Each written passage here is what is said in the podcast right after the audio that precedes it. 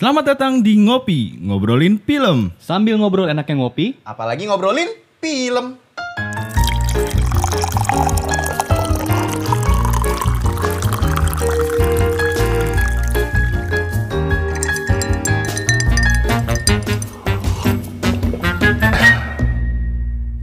Oke. Hey, halo. Welcome to Ngopi. Ngobrolin Film.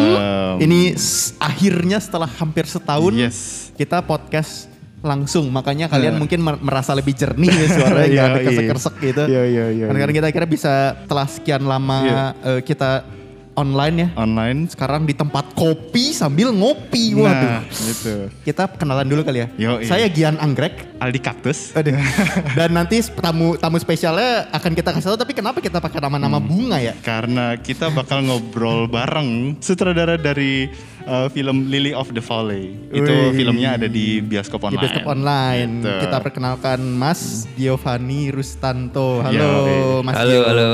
Nah. Terima kasih udah mengundang. Mungkin kalau kita share sedikit sinopsisnya tentang bagaimana kalau eh, seorang ibu dan anak naksir cowok yang sama gitu kali Hmm. secara garis besar tapi eh, twist and turn-nya lo nonton deh di situ Iya. kalau misalnya yang udah udah nonton film itu durasinya sekitar 45 menit ya Mas ya. Ya, 45 menit. Gue mau nanya lebih ke ini sih untuk pertama-tama mungkin Eh, pas ini kan film pendek dan film pendek eh, yang tayang streaming di bioskop online. Mas Gio ini waktu awalnya rencana bikin film pendek Lily of the Valley ini emang pengen bikin secara portofolio karya apa emang mau dijual film ini sebenarnya? Portfolio karya sih, berkarya sih. Pastinya sih em, buat gue sih filmmaking eh, intinya awal em, berkarya ya. Commercially itu bonus sih menurut gue sih. Kalau gue sih, I think eh, gue bikin Lily of the Valley ini based on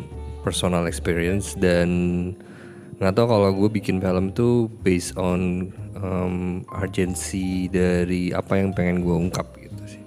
Jadi emang sebenarnya film ini tuh dari pas gue study di sana itu sebenarnya udah develop ceritanya dari 2017. Awalnya cuman kayak tugas gitu. End up-nya tugas itu nggak gue kasih, gue kasih tugas yang lain gitu. Oh iya iya iya. Jadi eh, and then itu eh, cerita gue simpen and then abis itu nggak gue apa-apain sel- selama hampir setahun. And then 2018 gue baru, baru mulai lagi, baru mulai kepikiran cerita itu lagi. Jadi gue develop lagi, develop sampai akhir 2018. Jadi sebenarnya pas bikin eh, film itu gue sebenarnya lebih ke skrip dulu sih. Jadi gue nggak ada ini ini inisiat ini apa intensi untuk langsung bikin filmnya. Kayak nggak ada deadline gue harus bikin filmnya gitu. Jadi gue mau ceritanya matang dulu gitu dan dan pas 2018 akhir pas gue balik ke sini wah kayaknya harus nih kayak kayaknya udah mateng gitu jadi eh, ya udah akhirnya dibikin filmnya di 2019 awal udah mulai pre-pro and then waktu itu start shoot sekitar bulan puasa ya Juni Juli Berarti belum belum pandemi ya pas syuting ya? belum pandemi belum Tahun pandemi. kemarin. 2019. And then uh, habis itu selesai um, 2019 akhir. Sebenarnya cukup lama ya untuk film pendek karena editingnya lumayan lumayan panjang sih karena uh, di sini gue juga ngedit sendiri jadi uh, lumayan inilah lumayan berdasarkan mood. jadi sebenarnya um, film ini kayak nggak ada apa ya nggak ada under siapa-siapa lah. Jadi bebas banget gitu. Dan gue memang bener-bener film ini kayak based on my um, feeling aja gitu. Jadi pas bikin juga pas nulis juga based on my mood. Pas kalau syuting sih enggak ya maksudnya kalau pas ngedit juga based on my mood. So everything based on my personal uh, feeling gitu jadi bisa dibilang this is a my first time film yang feeling banget nih kayak uh, punya deep down ada feelnya jadi nggak ada intensi orang-orang di baliknya kayak gitu. Gue penasaran sama penamaan dari Lily of Valley, Lily of the Valley gitu. Ada gak sih arti dari eh, judul film ini untuk ada, eh, sangat dari- ada. Kalau Google pasti Lily of the Valley itu bunga manis yang beracun. Yes, benar. So somehow gue eh gue menamakan judul ini ya It's All About Lily dan tapi ini sebenarnya tapi karakter utamanya bukan Lily. Cuman semuanya It's All About Lily kan? Iya. Iya betul betul. dan the conflict obstacle juga Lily. Kan. so somehow everything's going on in, in that film itu kayak karakternya semuanya si sua- mantan suaminya ibunya semua it's all about Lily gitu. Jadi eh, manis-manis beracun sih. Iya, iya, iya, jadi iya, iya. Gue lebih pengen judulnya lebih satir ya lebih kayak makin lama makin pas gue develop itu cerita sangat simpel sekali sebenarnya kayak dari- dari kalau misalnya dari narratively ya dari screenwriting wise simple banget. Orang cem- nyokap sih cemburu sama anaknya gitu doang makanya gue eh, agak lama untuk PD-nya memfilmkan ini karena gue mengumpulkan emosi-emosi yang Eh, pas gue nulis apa ya core core itu jadi karakter base mas karakter base sekali gitu jadi dan plot plotnya juga lebih ke karakternya kayak gitu Memang film ini berasa personal banget sih. gue juga pas nonton juga, eh, wah ini eh, personalnya tuh kuat banget gitu. Maksudnya personal feeling dari filmmakernya ini kuat banget gitu. Se-strict apa sih lu eh, di dalam proses development? Apakah harus kelar dulu eh, skripnya sampai bener-bener lock? Atau eh, karena kan nanti pada pada saat eh, reading kan ada perubahan-perubahan gitu kan, ada penalaran dari masing-masing karakter, eh masing-masing pemain untuk menguatkan karakter yang dia main gitu. Nah berarti kan kayak, oh ini tambahin ini, tambahin ini. Nah dari Mas Gio sendiri, skripnya itu harus matang dulu. Apakah boleh, misalnya, oh belum matang, ya kita hajar aja deh gitu. Atau atau ya harus matang dulu gitu. First of all, that's a good question. so I guess everybody punya um, role sendiri. Gue sebutnya voice filmmaker, as a filmmaker, dan punya cara uh, apa ya, kayak punya cara pengembangan sendiri, terutama dalam skrip ya, dan, Crafting. dan, directing, crafting. Kalau gue, uh, gue menyebut diri gue itu improve, improve, improvisional, improvisasi style.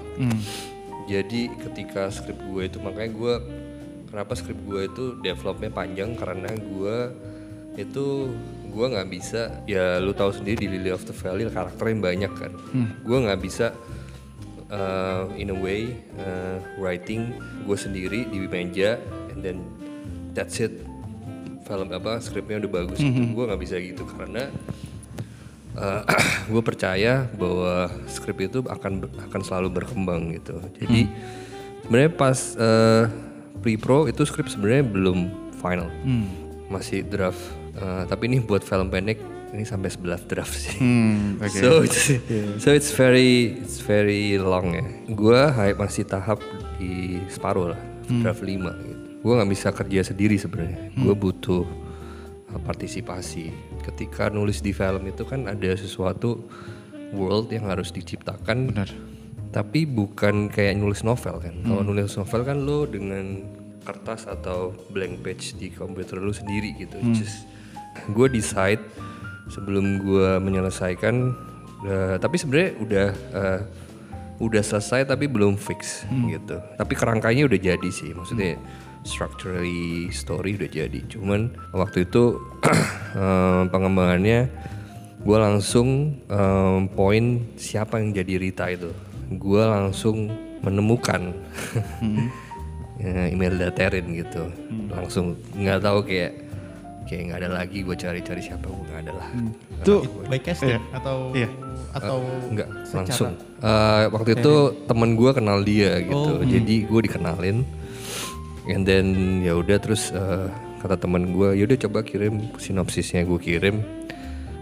Gue pikir ya gila sekelas email daterin kayak Iya. "Ya, ini. And waktu itu juga siapa gue? gitu. Tapi ternyata responnya baik gitu terus dia langsung tertarik and then we set up a meeting and then it was terus kayak intens banget terus kayak banyak ngobrol dan lain-lain. And then ya udah dari situ gue berkembang gitu skripnya and then sampai final dan juga selama abis Imelda terus gue casting yang lain itu gue tetap berkembang sampai ketemu Zara dan lain-lain itu.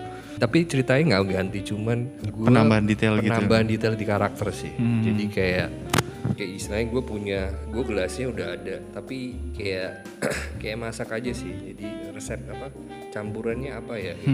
nah campuran itu yang gue develop karena gue suka diskusi dengan eh, orang yang akan memainkan filmnya itu gitu.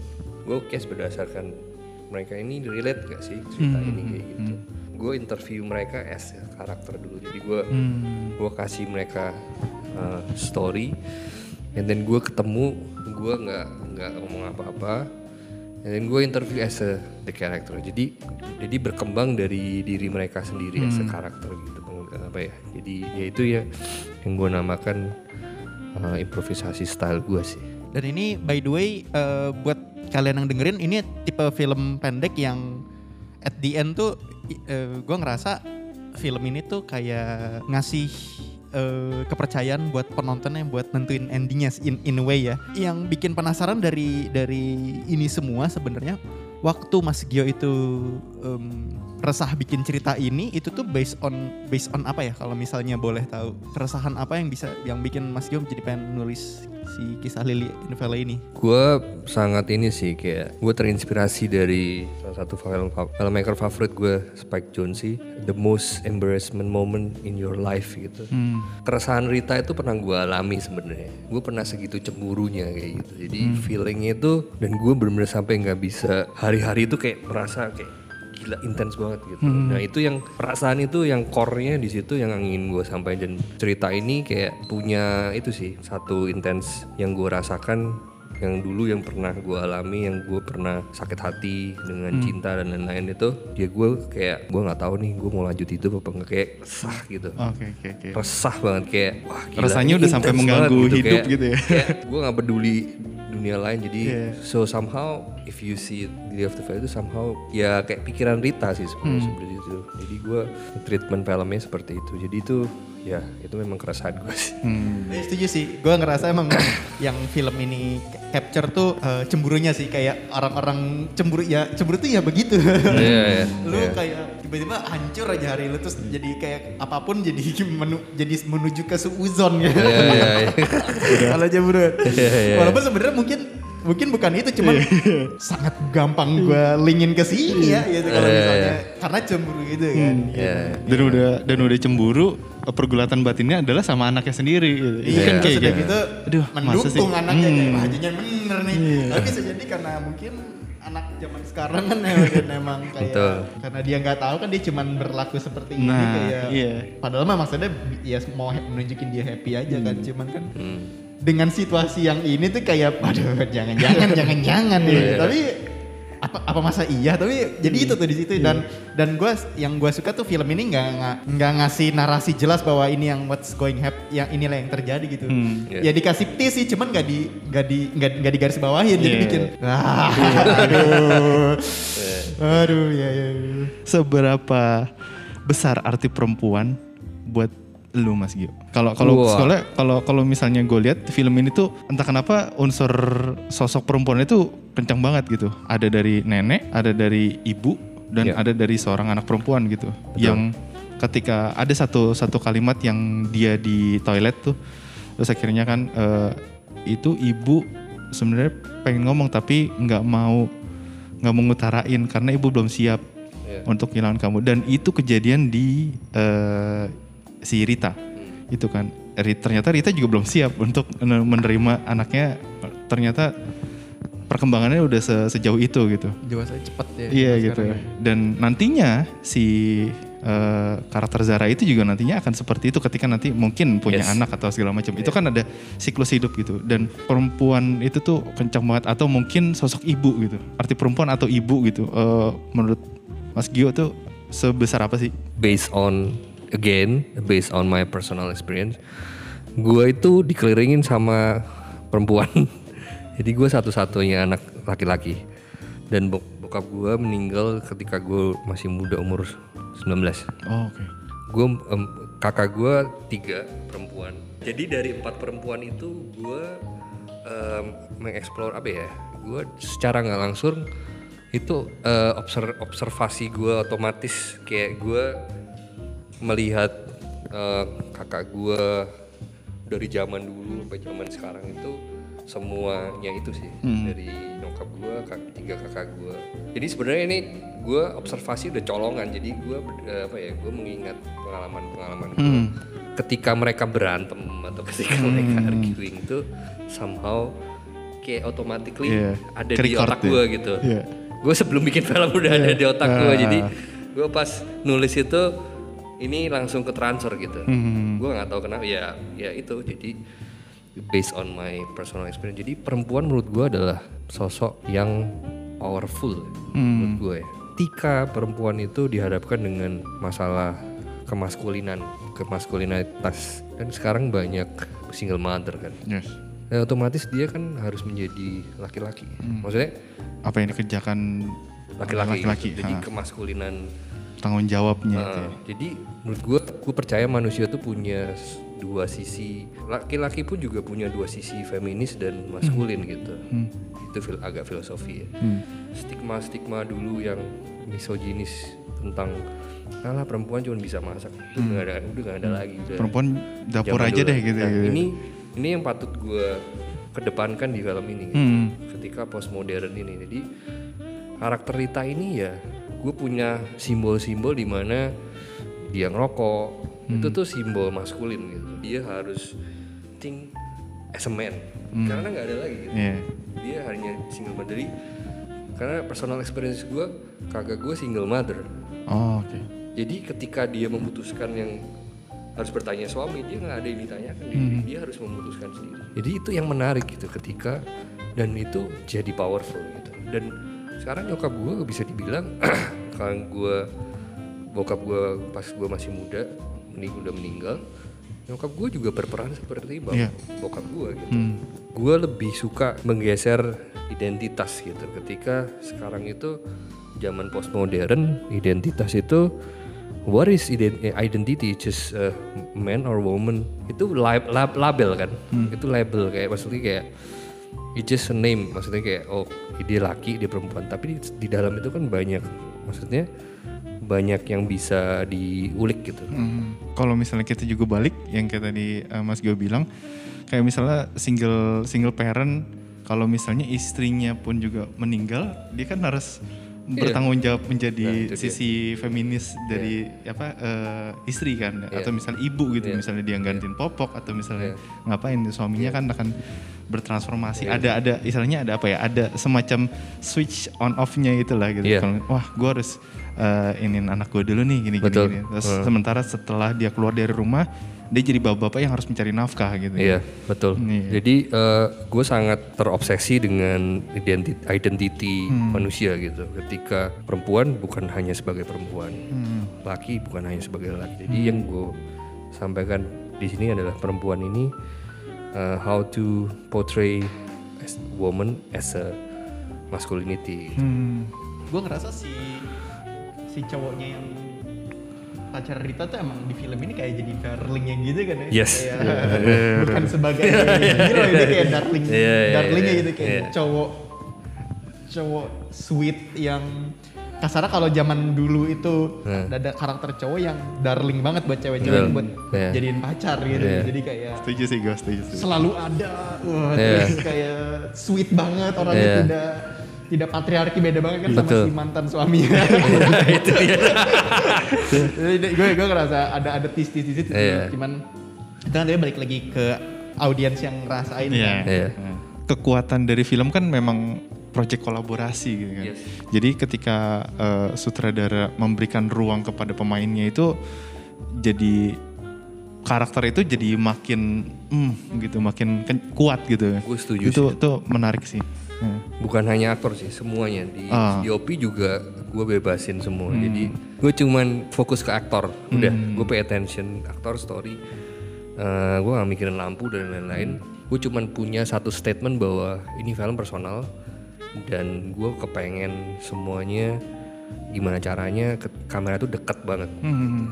ya emang maksudnya kita berarti gue decide bahwa handheld. Secara trivial gue takjub sih ketika DOP bisa bisa ngegambarin adegan kayak berani untuk bikin adegan yang yang tense gitu dan works justru works adalah karena bikin adegan itu malah di tempat yang gelap kan yang di mana biasa kan kalau orang kan tendensinya kan kalau adegan masih kelihatan kan ini Iya. memutuskan untuk ambil adegan di cahayanya yang gelap Minim. tapi mm, Iya.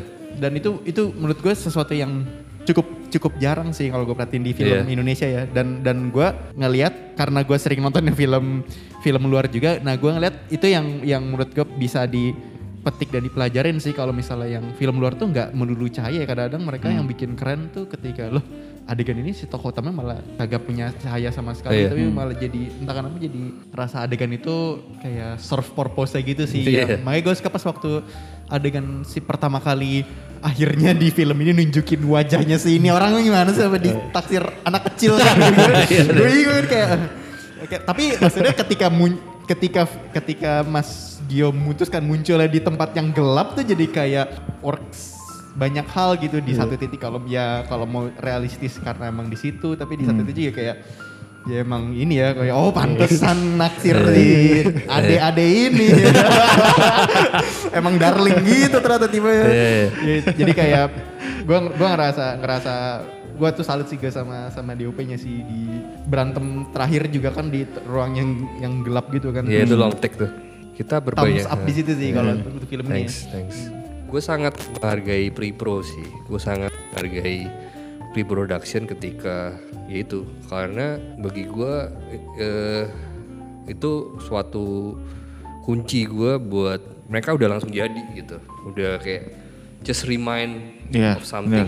Terus kayak mereka dan itu dialog ya itu nggak persis di skrip Hmm. bener-bener mereka. Tapi gue kasih tahu konteksnya. Iya. Secara guidelines lu yang akan uh, meng, Iya. meng- ini, pokoknya jangan keluar dari segini gitu. Nah, kayak gitu. itu Iya. skripnya itu kalau di dua lembar atau tiga lembar ya kalau salah. Tapi itu cuma berapa detik. Mungkin ini ya, mungkin efek gua interview mereka ya. Jadi gua interview tuh, gue bisa menyebutnya ada namanya ruang ruang karakter gitu. Hmm. Jadi satu orang pas sebelum rehearsal tuh bisa kayak Imelda, gue ajak ngobrol satu jam, dua jam. Gue interview as a Rita gitu Oh, Oke. lu dulu kenapa sih lu eh, cerai kayak gitu gue se sedetail jadi Biar immerse ya. ya berarti mereka eh, impuls mereka membangun karakternya dengan Iya, mereka sendiri benar, gitu bukan dengan gua gitu Kayak membuat three dimensional karakter juga Yes, sih. iya. Iya. lewat mereka Iya, haha. Film ini kan sempat diputar di beberapa film festival tahun kemarin. Mulai dari Jogja Film Academy Short Film Festival, terus habis itu keliling keluar tuh of- jadi official selection di Urban World Film Festival New York. Itu online mas ya? online. Itu online. harusnya enggak tapi on- Oh karena pandemi Karena jadi ya, online. harusnya ke ke New York tuh Tapi karena pandemi jadi Iya, batal semua. Terus habis itu official selection di Festival Internasional de Cine de Argentina. Iya Argentina. nah itu juga kota kecil Civil Oh, iya? ya jadi Argentina yang gua nggak tahu tuh kota di mana. Itu online juga mas? harusnya enggak juga Oke, oke, oke, oke. Jadi semua itu harusnya enggak, harusnya Hmm. itu udah kita harusnya ke sana sih. Oh, oke, oke. Kayak di Houston, Texas juga. Yes. World Fresh ya. Ya, Warfest. Hmm. Sebenarnya si Lily of Valley juga kalau misalnya gue perhatiin ada sesuatu yang kayaknya bisa di, banyak banget dipetik sama eh, filmmaker yang mau bikin film pendek. Dan dan dan mungkin kalau Mas Gio bisa nge-share gimana caranya ketika cerita film pendek itu bisa di ternyata bisa dijual dan bisa eh, bisa punya panggung kayak film panjang. Mudah-mudahan dari film Lily of the Valley ini eh, membuka eh, sesuatu yang kesempatan lah bagi orang-orang yang film khususnya film-film muda ya dan industri Indonesia itu harus lebih merhatikan lah eh, dari film pendek gitu. Karena film pendek itu bukan cuman ya bukan cuman batu loncatan tapi sebuah karya juga gitu yang harus diperhatikan dan bercerita di film pendek itu punya formula sendiri gitu dan punya apa ya punya warna tersendiri lah yang beda dengan film panjang gitu.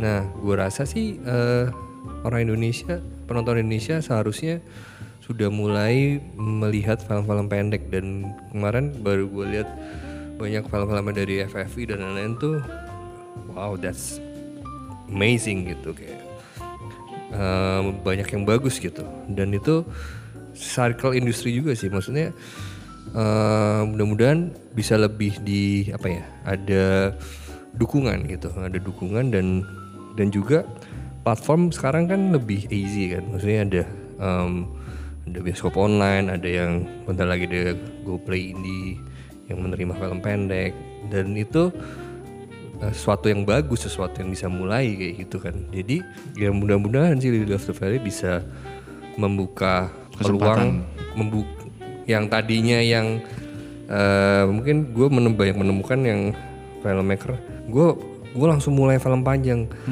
It's not a bad thing. Yes. Maksudnya nggak bukan hal yang itu, cuman kan film panjang itu agak lama gitu. Maksudnya kayak apa ya? Harus punya lu harus waktu panjang dan dan lu terus lu tapi dari film pendek kan lu bisa showcase gitu. There's a lot of great filmmakers mulainya juga banyak dari film pendek kayak gitu-gitu intinya apalagi di Iran itu banyak filmmaker filmmaker yang dari mulai dari film pendek and then somehow jadi film panjang gitu so nah filmmaker film film film pendek ini yang harus lebih diperhatikan di Indonesia sih sebenarnya gitu. Dan gue berharap banyak ada instansi yang yang mendukung. Tapi kemarin ada Jogja ya kan Jogja yang sudah mendukung banyak yang ada danais yang biayain film itu it's, it's, it's, it's a good Yeah. it's a good thing gitu. Cuman maksud gua nggak harus nggak harus Jogja doang maksudnya harus Harus bisa semua, semua lah, ya, gitu. semua daerah. karena Indonesia itu besar sekali gitu bukan hanya eh, Jogja dan Jakarta Hmm. ada Papua ada Sumatera ada Kalimantan. Sumatera, Kalimantan dan itu apa ya? Chance untuk cerita itu banyak banget gitu yang bisa digali dari sisi tradisi, eh, agama juga yang bisa showcase itu cara masif. Menurut gue sih film pendek ya. Hmm. Jadi jangan takut lah bikin film pendek seperti itu sih. Karena film pendek tuh saatnya saatnya bereksperimen kan, dan saatnya untuk mengeluarkan voice. Hmm. Ya banyak juga filmmaker kita yang mulai dari film pendek juga dari misalnya Angginun yang saya hormati. Maksudnya gue suka banget dia dan dia juga mulai dari banyak dari film pendek juga Yes. kan. Nah. Untuk ke depannya Mas Gio itu bakal bakal akan terus main di film pendek atau ini salah satu rencana Mas Gio untuk next bakal mau garap film panjang? Ngetis nih berarti ngetis ya. maksudnya, maksudnya apakah apakah maksudnya kan dengan dengan dengan project. dengan dengan ngelihat si film pendek ini dampaknya gimana? Terus kasarnya udah udah kayak punya audiensnya. Ini apakah jadi satu step Mas Gio untuk bikin film panjang? Atau mau rencana film pendek film pendek dulu nih untuk beberapa waktu ke depan ini? Pasti. Pastinya eh, ya film panjang itu adalah impian sih menurut gue. Ya kan siapa sih yang nggak mau bikin film panjang buset. Satu kayak- bucket list gitu ya. Gue sekarang juga lagi nulis film panjang, tapi gue nggak mau buru-buru gitu loh. Jadi istilahnya kayak gue mau ngumpulin film pendek film pendek yang kira-kira gue ada saatnya bahkan nanti pun juga kalau gue misalnya udah bikin film panjang, gue masih tetap akan bikin film pendek Hmm. gitu. Karena bagi gue film pendek dan film panjang itu punya porsi yang beda Yes. Dan eh, necessity yang di akan disampaikan di film panjang di film pendek itu necessity-nya dari gue tuh beda gitu. Kalau film pendek itu gue lebih eh, ngomongnya lebih bisa in your face ya, maksudnya lebih kayak langsung gitu. Tapi kalau film panjang kan gue lebih lebih panjang gitu, lebih narak jadi lebih prosesnya juga lebih membutuhkan waktu yang lebih panjang juga. Semua dimulai dengan cerita. Story ini tuh layaknya di di dipangkas di film pendek atau di film panjang kayak gitu. Sebenarnya film pen, film pendek dan film panjang itu sebuah media apakah story ini pas di film pendek atau bisa pas di film panjang juga atau gimana kayak gitu. Dan gua nggak me- melabelkan gua sebagai gue nantinya akan short film terus gue nggak gue nggak akan film panjang nggak gue tergantung story sih. Hmm. Eh, rencana memang dua film pendek lagi Oke. Dan satu film panjang eh dua film panjang lagi gue develop gitu. Jadi gue sih based on eh, story-nya apa gitu. Gue jadi Kayak semacam apakah film ini bisa lebih banyak bersuara di di medium yang lebih panjang? Yes. ataukah hanya eh, sebatas di eh, medium yang pendek tapi lebih kuat gitu, Yes. lebih powerful betul, gitu, betul, kali betul. ya. Nah, Kadang tuh ada mungkin banyak ya banyak sekali ya contoh yang misalkan ini nggak perlu dipanjangin deh. kayak gitu. Sebenarnya memang itu challenge-nya storyteller gitu. Ya, ngomong-ngomong film pendek juga memang apa ya mungkin ya tahun ini tuh kayak semacam ada spark-spark dari film pendek gitu. Kayak waktu kemarin kan pas lagi eh, setelah lebaran atau pas lagi kita pandemi gitu kan tilik tuh tiba-tiba booming banget di di sosial media gitu kan. Dan itu itu film pendek gitu. Terus habis itu ya film-filmnya yang dari FF jadi jemari terus ada eh, teman-teman yang lain nonton rakyat dan segala macam buat gua eh, menariknya film pendek adalah lebih bisa apa ya eh, lebih bisa menyuarakan eh, keresahan dari kehidupan sehari-hari atau misalnya dari sang filmmakernya sendiri gitu. Jadi bisa lebih eksploratif istilahnya gitu. eksperimen. Medium yang gue juga setuju sih ketika nggak cuman hanya di eh, Jogja Jakarta gitu, tapi kenapa nggak di, diratain aja gitu di maksudnya di di seluruh daerah-daerah gitu. Eh, karena menariknya lagi adalah bukan hanya ide tapi pengemasan masing-masing filmmaker itu kan berbeda-beda Betul. gitu. Ketika base-nya yang di Jogja seperti itu, Betul. base-nya yang di Jakarta seperti itu. Betul. Ada lagi yang teman-teman uh, filmmaker Makassar Betul. yang uh, bikinnya seperti itu. Jadi punya identitas masing-masing daerah. Itu tuh yang yang buat gue jadi malah uh, menarik banget Yes. dan beragam banget ketika kita misalnya showcase ke film festival luar Yes. gitu. Jadinya Gue kayak setuju. eh, cara bertuturnya itu yang yang yang gue gue suka sih. Kenapa medium uh, film pendek ini tuh beneran harus diperluas gitu. Mungkin ini pertanyaan terakhir gue kali ya. Proses-proses eh, Mas Gio untuk eh, bikin film secara prosedur gitu-gitu. Sebenarnya tuh Mas Gio nge- nge-improve sendiri tata caranya untuk nge- nge-brief ke tim gitu-gitu. Atau ini sebenarnya yang Mas Gio pelajarin, oh kalau di luar tuh ken- makanya kenapa film suka eh, bisa ngasih emosi yang um, impactful banget karena pre-pro mereka ya gitu maksudnya bermain bermain di pre-pro-nya aja udah kayak sebuah syuting yang tidak di record sendiri gitu. Iya, jadi gue terinspirasi dari film favorit, filmmaker favorit gue, namanya Mike Leake, em, Inggris. Itu dia caranya unik sih. Dia belum nulis skrip sebelum ketemu aktornya. So dia ketemu aktornya dulu, baru dia nulis skrip. Nah itu yang gue implikasikan di dalam Valley of the Valley. Tapi kan bedanya gue udah nulis skrip nih. Kalau dia kan prosesnya panjang tuh, mesti ketemu. Jadi ketemu aktornya dulu, jadi ngobrol gitu, misalnya kayak misalnya gue punya story nih, lu karakter ini, menurut lu gimana kayak gitu. Sebelum dia nulis skrip. Nah tapi kan, tapi itu kan prosesnya lama, jadi gue coba gimana ya caranya, gue nggak, gue pakai karena gue suka banget gitu. Karena film film dia itu gue su, gue suka banget film film dia ya natural banget gitu. Khususnya Secret and Lies kalau lu udah lihat filmnya. Gue itu major influence gue jadi gue terapkan di sini setelah gue nulis gue interview sampai pertanyaan pribadi ya. Misalnya Faris itu jadi Daniel itu sampai gue tanyain lu waktu pertama begitu gimana sih? Itu tuh gue tanyain bener-bener. Dan ceritanya pun juga gue tanyain. Personal question gitu. Jadi yang personal kenapa gue bangun ruangan apa, karakter itu biar mereka bisa bebas lah berceritanya yang paling seru sih si John sih. Si John tuh gue tanyain. Karena lucu banget ini kayak banyak gue banyak inspirasi dari si si Johnnya itu Oke. Karena nggak expect, karena Iya. dia kan, kan yang mungkin yang paling yang diantar semua yang nggak nggak profesional actor kali. iya, ya. Jadi iya. kayak jadi iya, jadi kayak ini ya. ah, banyak yang gue makanya John jadi karakter gitu Hmm, kan gue gunakan terus sih karena itu gue suka sih seperti itu bah by the way itu edit ngedit paling susah itu di meja pokoknya meja makan tuh dua scene paling susah gitu dan itu krusial dan kita waktu itu terus terang terpaksa nambah satu hari sih buat si, si meja makan doang. Nah, harusnya tiga hari kan kita nambah satu hari. Jadi itu memang scene susah banget. Itu susah. Susahnya setengah mati. Ada kata-kata di skrip yang misalnya uh, in order gitu. Gue nggak in order gue di Ngelompat ya. lompat gitu. Hmm. challenging depressing tapi juga fun sih.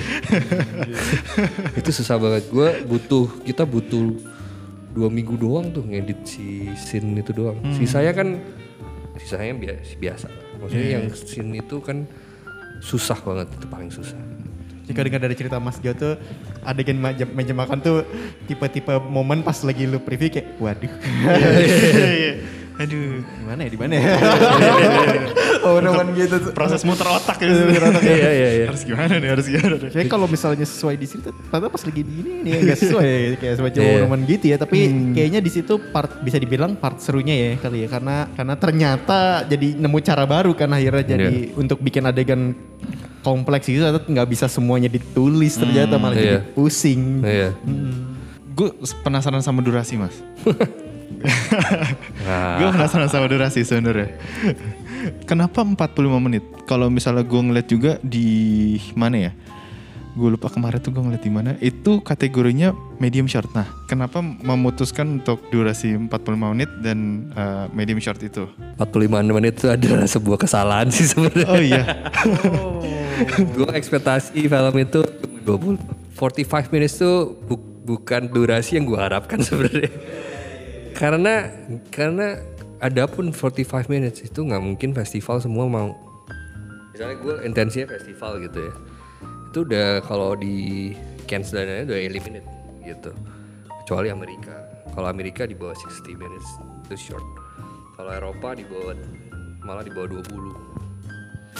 Nah itu gue intensinya 20 Cuman Nah ini cuman Gue tuh punya dilema Rough cut itu awalnya hampir 60 menit Gue harus komit sama kru juga Ini bukan film panjang kayak gitu gitu Jadi intinya Gimana ya caranya misalnya kayak gitu Nah terus pas Pas nulis itu juga Draft Draft 5 itu masih 20 pages sih Tapi setelah gue ketemu aktor-aktor itu Jadi 30-an Karena pengembangan dari karakternya Nah itu. ya? itu gue dilema. Akhirnya gue memutuskan, wah bodo amat lah. Gue gak peduli festival. Gue gak peduli apa pun. Akhirnya rough cut itu sebenarnya gue udah pas sebenarnya. Tapi ya udah kepepet kan. Nggak mungkin lah gue kasih 55. Jadi gue cut, cut, cut, cut, cut. Akhirnya yang paling pas 45. Bodo amat gue gak masuk festival. Gue gak apa. Pokoknya yang penting gue puas dengan 45. Dan ketika itu kan preview dengan cast kru kan. Kita nggak berasa 45 menit. Nah itu yang gue gua harapkan. Iya, iya. nah itu yang gue harapkan. Jadi ya udah berarti gue meskipun 45 nggak berasa 45 berarti gue ya udah gue gua agak lega lah kayak gitu. Dan banyak yang ketika gue first screening itu yang bilang kayak ini nggak berasa 45 kayak gitu. Jadi ada achievement sendiri sih. Iya. Eh, mungkin ini jadi pertanyaan terakhir gua sih untuk menutup eh, episode ini. Ada nggak sih satu film yang akan lo rekomendasiin ke orang-orang? Film yang paling masih membekas sama gue dan pasti gue tonton setiap tahun itu film KC KC-nya Han Haneke Hidden. Haneke sama satunya lagi si Lucia Martel yang La Cienega. Jadi gue percaya bahwa dan Lily of the Valley adalah salah satu gue banyak terinfluence dari cara style en scene mereka gitu. The magic of off screen gue. Iya. tapi tapi emang gua akuin juga eh gue suka sama jailnya di ending film Lily of the Valley sih yang di mana itu kan calling banget kan. Iya.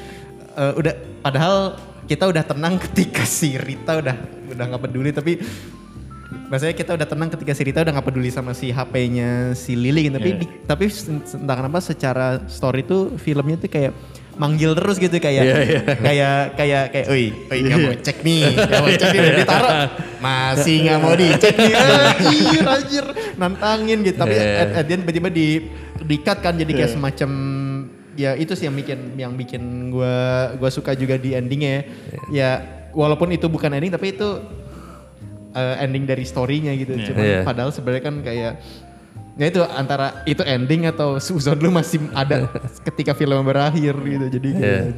gue suka di situnya. Ya gue berterima kasih sama bioskop online sih. Maksudnya kayak mereka Gue juga deg-degan mereka mau nggak ya kayak gitu. Tapi ternyata mereka eh, Mereka su- seneng dan eksklusif juga kan. Iya. iya iya. Konten Gue gak nyangka sih. Karena film ini sebenarnya sangat gampang kok. Iya. Gampang banget Sangat sebenarnya. Ceritanya simple, simple kan? Simple sederhana. Udah gitu doang kayak hmm, Ada tulisan bagus dari kemarin pas gue di Jova Fest itu Ada mahasiswa akademi eh Jogja Film Academy namanya Ant- Antika atau apa. Tulisannya bagus banget tentang perempuan postmodern itu kayak gitu-gitu. Lu lu nanti gue ada kok ada kok Iya. tulisannya terus kayak dan gue sangat mengapresiasi orang yang dik diktip eh, film Lily of the Valley ini kayak gitu. Jadi Oke. Eh, segitu dulu eh, perbincangan kita tentang Insight-insight tentang film pendek tuh sebenarnya dari ya. banyak banget. Ada dari behind the scene dari Lily of the Valley terus sampai kita juga ngobrolin film pendek ngobrolin gimana pengembangan karakter di dalam satu film terus wah banyak banget deh. Eh, Dan paling penting menurut gua adalah ketika eh ya itu ya film pendek tuh kayak kayak ngasah ya sebenarnya kayak craftsmanship craftsmanship ya. Jadi kan film panjang kan juga itu kan sebenarnya kayak lu bikin 10 film pendek dalam satu waktu gitu ya. sebenarnya. Oke lah, eh, segitu dulu perbincangan panjang kita. Terima kasih Mas Gio sama-sama udah mau ngobrol bareng sama kita. Terima kasih teman-teman yang udah mendengarkan sampai eh, saat ini. Kalau misalnya kalian ada kritik saran bisa cek di Instagram kita at The Roadkill Pictures atau di Twitter ada di at Roadkillpic.